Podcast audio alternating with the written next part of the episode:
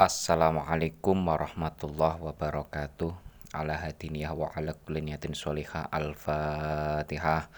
A'udzu billahi minasyaitonir rajim Bismillahirrahmanirrahim. Alhamdulillahi rabbil alamin. Ar-Rahmanir Rahim Maliki yaumiddin. Iyyaka na'budu wa iyyaka nasta'in Ihdinas siratal mustaqim. Siratal ladzina an'amta 'alaihim ghairil maghdubi 'alaihim waladdallin. Amin. Baik, kita akan melanjutkan belajar kita tentang kitab Fathul Mu'in.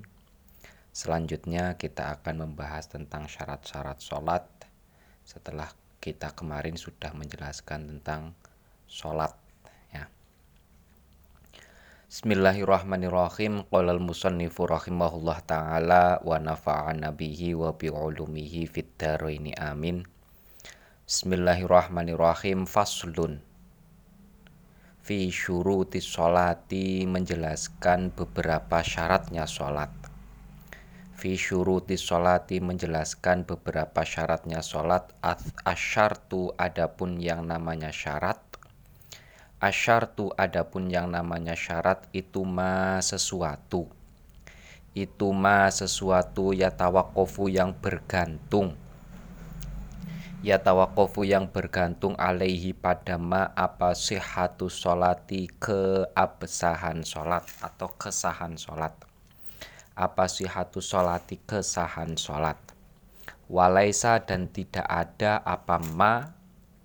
Walaisa dan tidak ada apa ma itu minha dari solat itu minha dari solat bab ini menjelaskan tentang beberapa syaratnya solat syarat itu pengertiannya adalah sesuatu ya keab sesuatu yang menjadi barometer keabsahan so sholat atau sesuatu yang menjadi syarat kesahan sholat itu yang dimaksud dari syarat di sini. Walaisa minha dan sesuatu itu bukan bukan sholat itu sendiri tidak meskipun kesahan sholat itu sangat bergantung ya sangat ditentukan oleh sesuatu ini tapi sesuatu ini bukan bukan sholat itu sendiri sholat itu sendiri. Nah, itu namanya syarat. Nanti bedanya adalah dengan rukun.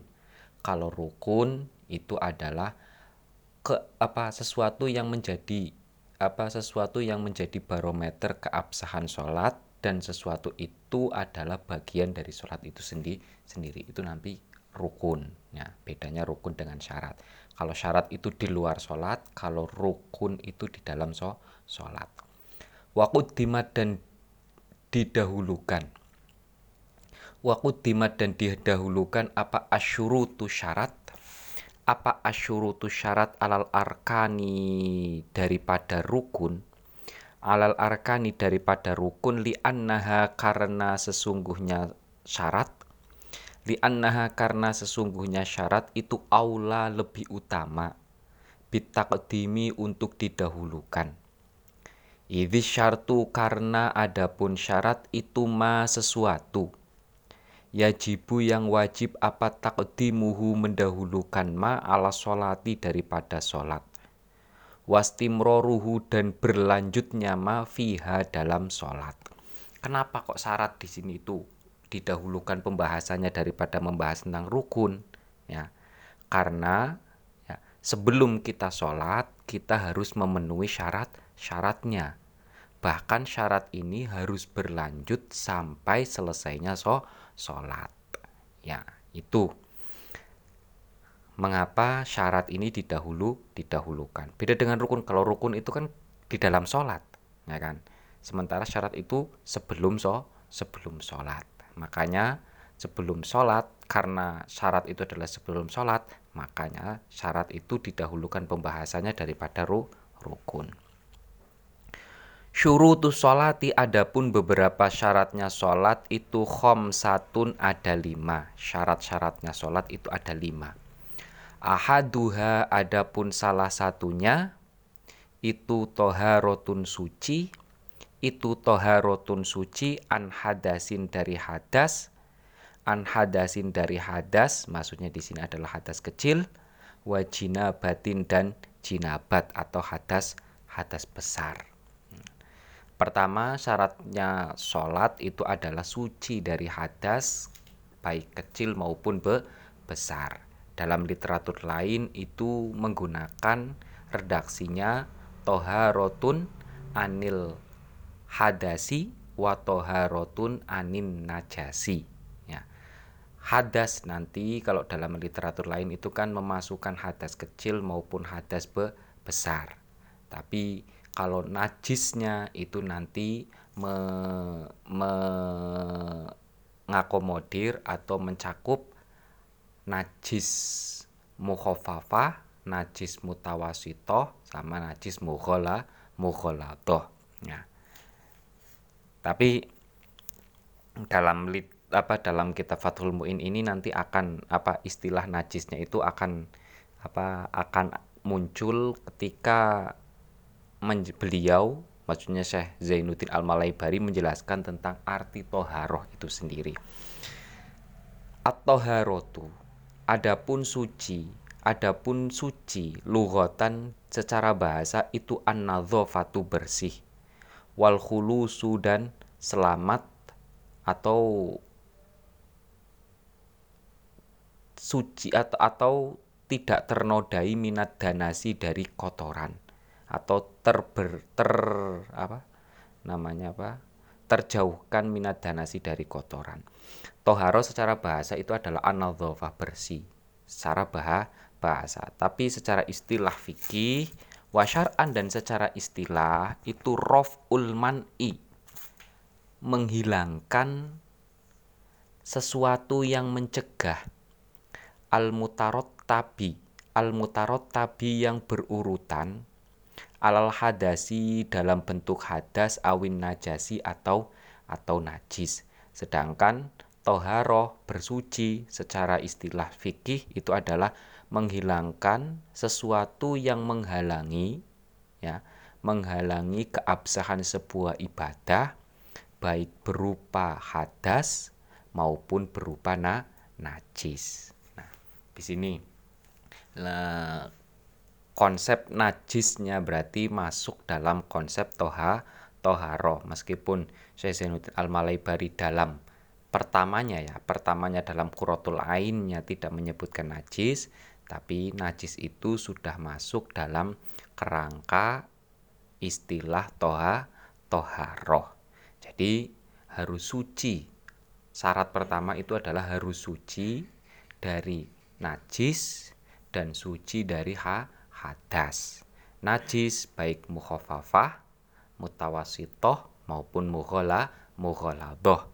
Hadas baik hadas kecil maupun hadas hadas besar. Ini untuk sedikit apa untuk sedikit gambaran gambaran saja di antara apa di antara masalah pembahasan tentang masalah najis dan hadas dalam bab sholat ini aslinya banyak sekali, terlalu luas sekali. Tapi ada satu fenomena yang mungkin sering bahkan jar apa bahkan tidak jarang ditemukan di tengah kita. Di antaranya adalah fenomena ketika kita sholat, ya kan. Kemudian ada anak kecil ya anak kecil yang belum khitan nah kadang apa ikut gendong ikut gendong ke orang yang so yang sholat biasanya kalau orang tua ya kan ibu lagi sholat anaknya lagi sujud biasanya anaknya itu nyerobot kemudian gendong di punggungnya ibunya atau punggungnya ayahnya yang lagi so yang lagi sholat. Sementara anak kecil, ya kan, anak kecil eh, itu bagaimana status status kesuciannya. Terlebih ketika dia telah buang air ke air kecil.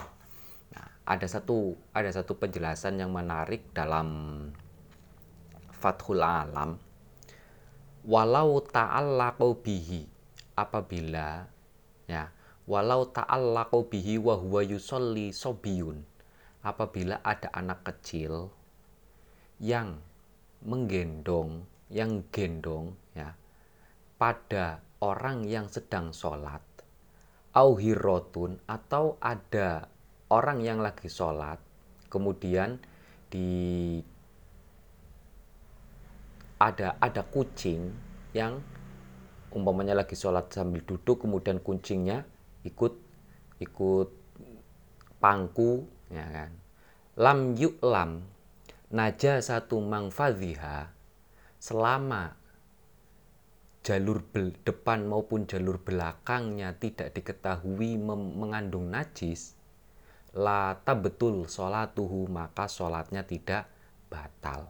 Selama orang yang sholat itu tidak tahu ya tidak tahu dia itu habis kencing apa tidak?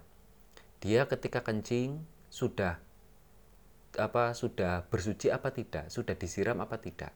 Selama tidak tidak mengetahui secara pasti itu berarti tidak membatalkan sholat orang yang digantungi atau orang yang digendongi oleh anak kecil. Li'anna hadza mimma ta'aradu fihi al-aslu wal ghalibu. Karena dalam hal ini ada per tarik menarik antara hukum asal dan hukum keumum keumuman. Idil aslu at-toharo hukum asalnya adalah su suci. Wal ghalib an najasa sedangkan umumnya itu adalah na najis. Fayuqaddamu al aslu untuk itu dalam hal ini di dahulukan hukum A, asal. Maksudnya hukum apa? Maksudnya keumuman itu najis bagaimana? Keumuman ya kan? Najis anak kecil ya kan? Kan kita tidak akan tidak tahu tidak terkontrol. Seluruhnya kan tidak terkontrol. Orang tua kan tidak terkontrol semuanya apakah anak kecil main apa mainan sesuatu yang najis atau tidak? Apakah anak kecil itu apa menyentuh sesuatu yang najis apa di apa tidak? Ya kan? Untuk itu umumnya kan nggak diketahui ya kan? Makanya keumumannya itu dihukumi nah, najis. Tapi hukum asalnya hukum asalnya itu adalah su suci. Nah, karena ada tarik menarik antara hukum asal dan hukum keumuman ini ya kan? Maka didahulukan atau diutamakan hukum a, asal. Karena didahulukan dan diutamakan hukum asal selama tidak yakin tidak meyakini orang yang sholat bahwa anak tersebut itu memiliki najis atau apa memiliki najis. Kalau kalau tidak yakin memiliki najis maka tidak membatalkan so sholatnya orang yang diganduli oleh anak ke anak kecil. Fa'in alima najasata mangfadhiha mangfadhihima batolat hima bihi. Tapi kalau yakin oh anak ini itu tadi kencing saya ater. Ya. Tapi tadi tidak tidak dicuci tidak apa tidak tidak dicuci tidak cebok nah habis kencing langsung langsung per pergi. Nah dia yakin. Habis itu setelah dia pergi ya kan dia apa dia buntuti kemudian orang tuanya langsung so, sholat. Dia tahu pasti. Nah tahu pasti. Sementara apa tahu pasti. Sementara ketika sholat kok diganduli sama anak kecil tersebut? Nah itu wa in ghaba zamanan yumkinu fihi. Ghuslu mangfadhihima fala nuhkamu binajasati ma asoba mangfadhihima ba'dal ghiba al madhkura nah ini aslinya kalau hukumnya itu kalau dalam keterangan ini itu dipilah. Apabila setelah yakin ya apabila setelah yakin di apa melihat secara langsung kalau anak kecil itu membuang najis ya kan? Kemudian dia itu pergi alias tidak dalam pantauan orang tersebut ya. Di mana perginya itu mungkin memungkinkan jangka waktunya itu memungkinkan untuk bersu bersuci. Kalau dia pergi tanpa tanpa pantauan orang tuanya ya dalam jangka waktu memungkinkan untuk bersuci kok ketika orang tuanya lagi sholat anaknya itu kok datang maka tidak dihukumi batal sholat sholatnya. Tapi kalau apa kalau tidak pergi ya atau tidak ada jeda tidak ada waktu atau selama itu masih dalam pantauan orang tua terus dia tidak melakukan apa-apa tidak melakukan bersuci sama sekali. Nah itu baru bisa membatalkan sholat. Contohnya begini ibu mengantarkan anaknya ya kan yang masih kecil ke toilet membuang air kecil. Setelah itu ya setelah itu ibunya sholat ya kan anaknya mengikuti di belakangnya. Anaknya mengikuti di belakangnya. Kok ketika sholat ibunya kok ketika sholat kok anaknya apa gendong nah itu bisa membatalkan sholatnya i, ibu beda halnya ketika ibu mengantarkan anaknya kencing kemudian anak itu keluar main umpamanya dan orang tuanya itu so sholat. Nah, ketika lagi sholat, anaknya habis main, datang ke orang tuanya lah yang lagi sholat, kemudian gendong. Nah, ini sholatnya tidak apa sholatnya ibu tersebut tidak bah tidak batal. Karena dia telah pergi dimungkinkan untuk melakukan so apa di, dimungkinkan untuk melakukan bersu bersuci. Meskipun kita kita tidak tahu dia benar-benar bersuci atau tidak. Tapi itu melahirkan sebuah zon kalau dia sudah bersu bersuci. Itu kenapa hukumnya begitu ya. Ini ada perbedaannya di situ. Itu mungkin apa permasalahan yang sering terjadi di tengah masyarakat kita.